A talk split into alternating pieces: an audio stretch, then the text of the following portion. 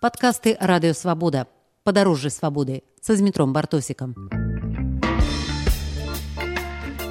Гаворыць радыёвабода. Мы пачынаем цыкль падарожжаў па маладзечанскай вобласці, якая існавала ад 1944 і знікла ў 1960. Але ад той вобласці засталося некалькі папак з архіва абласнога суда, крымінальныя справы і прысуды з грыфам секретна, якія праліваюць святло на сапраўднае паваеннае жыццё Беларусі і не толькі паваеннае. Упершыню я патрапіў у маладзечна ў жніўні 1992 года. Там у будынку палітэхнічнага тэхнікуму адбывалася міжнародная навуковая канферэнцыя, прысвечаная нацыянальнай самасвядомасці беларусаў. Мае вочы ды да не толькі мае яшчэ не нацешыліся нацыянальнымі сцягамі над колішнімі райкамамі. Вуліцы маладзечна у адрозненне ад сталіцы поўніліся гукамі жывой беларускай мовы прамовы на канферэнцыі праменілі аптымізмам. Наперадзе нас чакала бліскучая, фантастычная беларуская будучыня. Не памятаю, ці быў на той час перайменаваны праспект Леніна ў вялікі гасцінец, але помнік правадыру на галоўнай плошчы маладзечна ўжо выглядаў артэфактам мінулай эпохі. І трэба было быць вельмі цвярозым рэалістам, каб не паддацца той нацыянальнай эўфарыі, што панавала на той канферэнцыі. Здаецца, такім адзіным чалавекам выглядаў засяроджаны і крыху сумны Васіль быкаў. Штосьці ён прачуваў ужо тады. Антураж, у якім адбывалася канферэнцыя, быў па-савецку пышным і зусім не райцэнтраўскім. Такіх багатых сталінска-ампірных тэхнікумаў я ў райцэнтрах яшчэ не бачыў.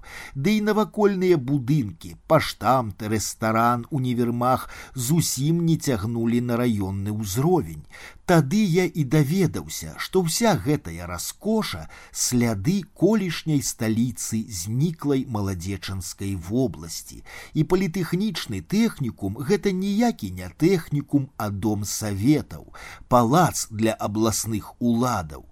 Але як высветлілася зусім нядаўна, архітэктурная спадчына абласнога маштабу гэта не адзінае, што засталося ад маладзечанскай вобласці.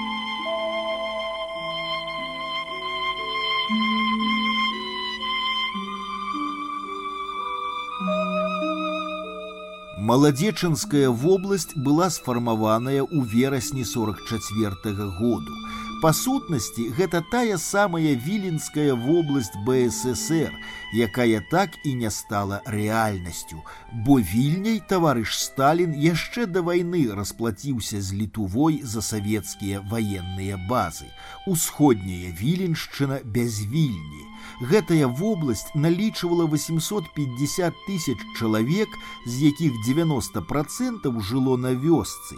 Месцічаў было толькі 80 тысяч.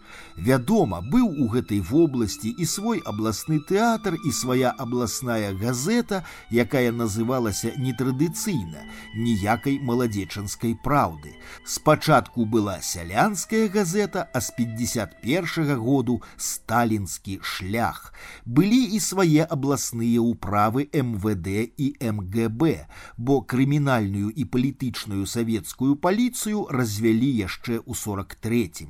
І вядома, быў абласны суд, які выпісваў тэрміны па лініі абодвух ведомстваў. Чым маладзечанская вобласць не задаволіла рэспубліканскае партыйнае кіраўніцтва, не ведаю, але ў студзені 60 яе ліквідавалі разам з тэатрам, сталінскім шляхам і судом. І вось тут пачынаецца наша гісторыя. Архівы абласнога суда, як і архівы абласных МГБ і МВД мусілі адправіцца па новых адрасах. Штосьці ў Менск, штосьці ў горадню, штосьці ў Віцебск.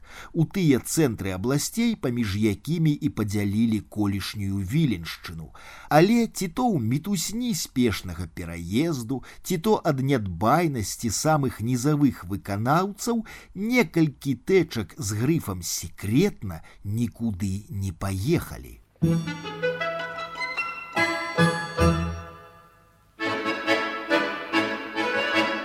Тысяча девятьсот шестидесятый год.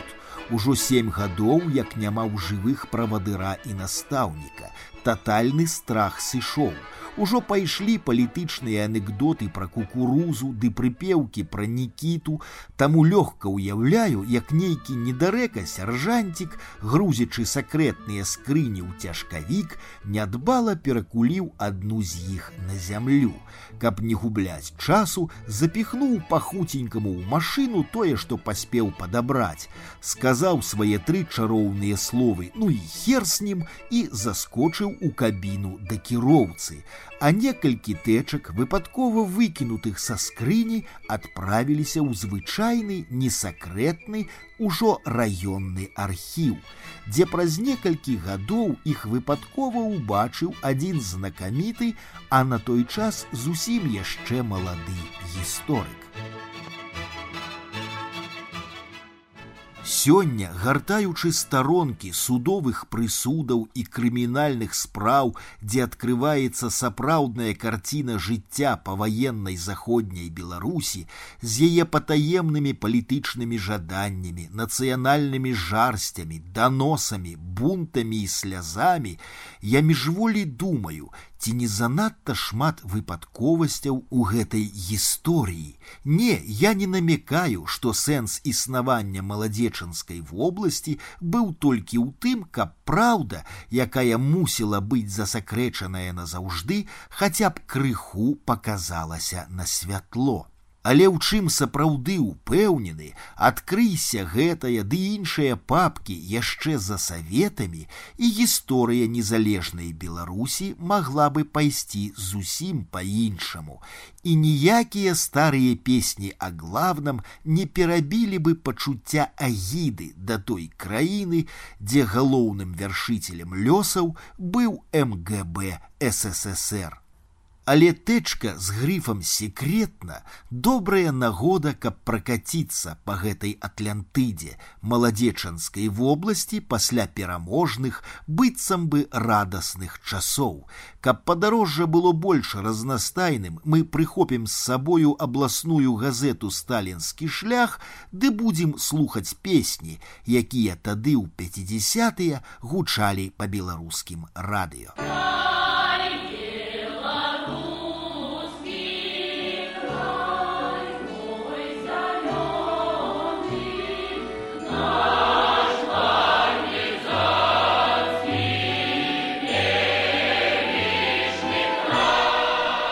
Прокуратуру Островецкого района поступили материалы о произошедших массовых беспорядках в колхозе Заветы Ильича Воронского сельсовета Островецкого района.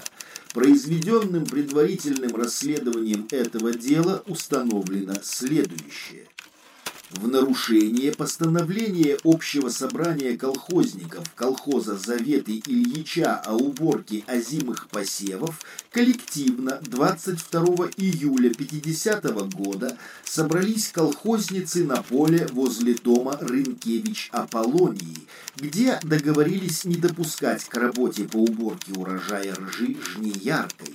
В 12 часов дня при появлении жнеярки с уполномоченным райсполкома Бобрик, секретарем сельсовета Сидоренко и председателем колхоза Докутовичем их встретила толпа колхозниц, возглавляемая Рынкевич Аполлонией, Рынкевич Еленой и Змитрович Соломеей и вооруженных палками камнями – Указанные женщины начали избивать лошадей палками, камнями и глыбами земли, бросая все на жнеярку и увлекая за собой остальных колхозниц и подростков. Лошади, испугавшись, бросились на кусты, что могло вызвать поломку машины жнеярки. При новой попытке начать работу они были также встречены этой толпой. Таким образом, в этот день была оборвана работа по уборке урожая ржи колхоза Заветы Ильича Жнеяркой.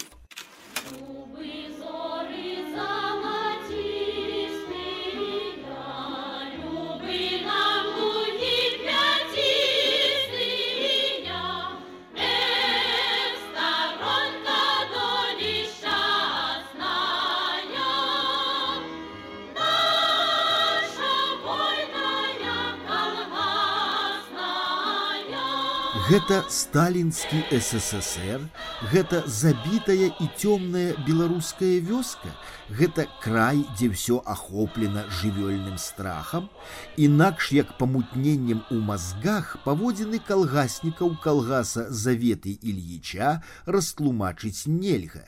І пакуль звар'яцелыя жыхары варожай крыжоўкі з боем зрываюць збор ураджаю, адкрыем абласную газету і пачытаем, чым жывуць сапраўдныя савецкія людзі, простыя працаўнікі вёскі. Усе навіны ў тагачасных кінахроніках чыталіся высокімі і бадзёрымі галасамі. Падтрымаем гэтую традыцыю. Такім чынам сельская газета ліпень 1950 году.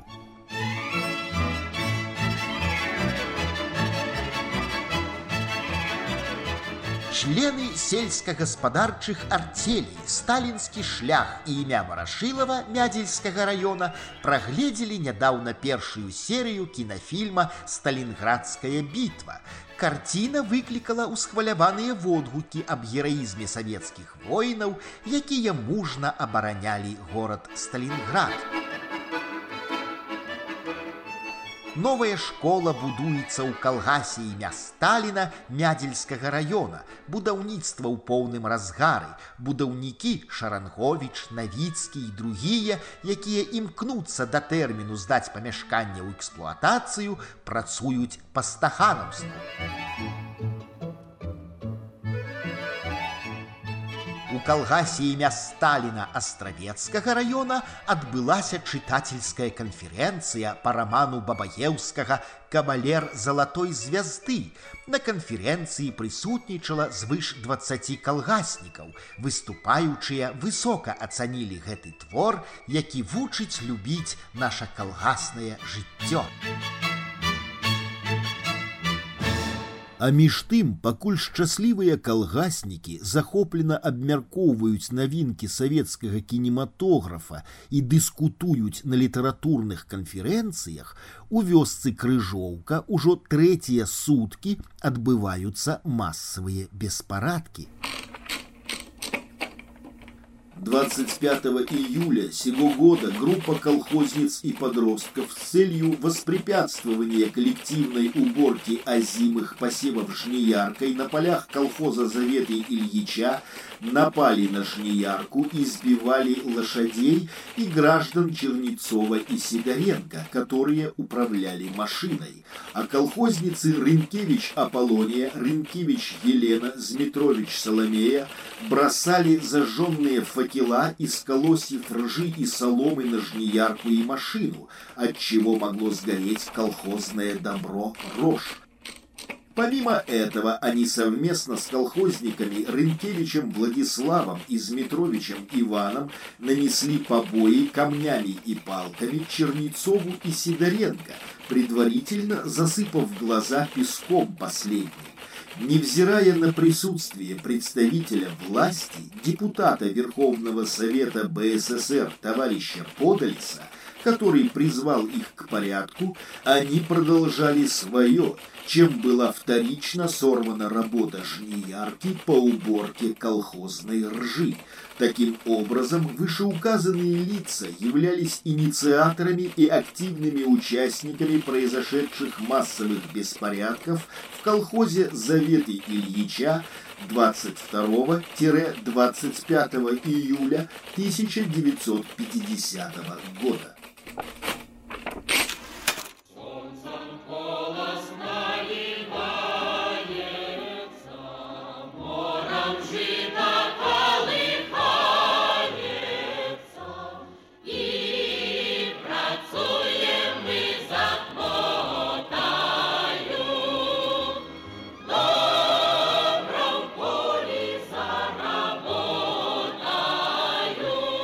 Што ж насамрэч адбылося ў крыжоўцы ў тыя ліпеньскія дні 50, як склаўся лёс гэтых людзей, ці засталіся ў крыжоўцы тыя, хто памятае тое паўстанне і ці засталася пасля ўсяго апісанага сама крыжоўка. Пра гэта наступным разам. З вами быў зміцер бартосік.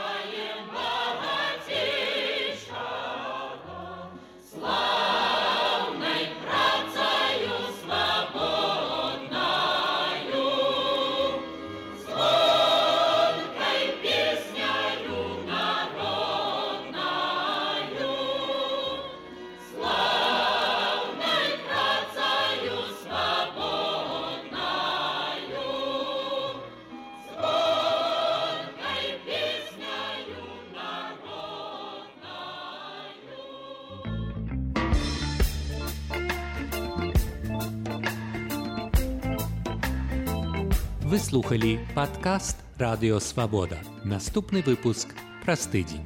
Усе падкасты свабоды ў інтэрнэце на адрасе свабода кропка орг. Штодня у любы час у любым месцы. Калі зручна вам. Свабода кропка орг.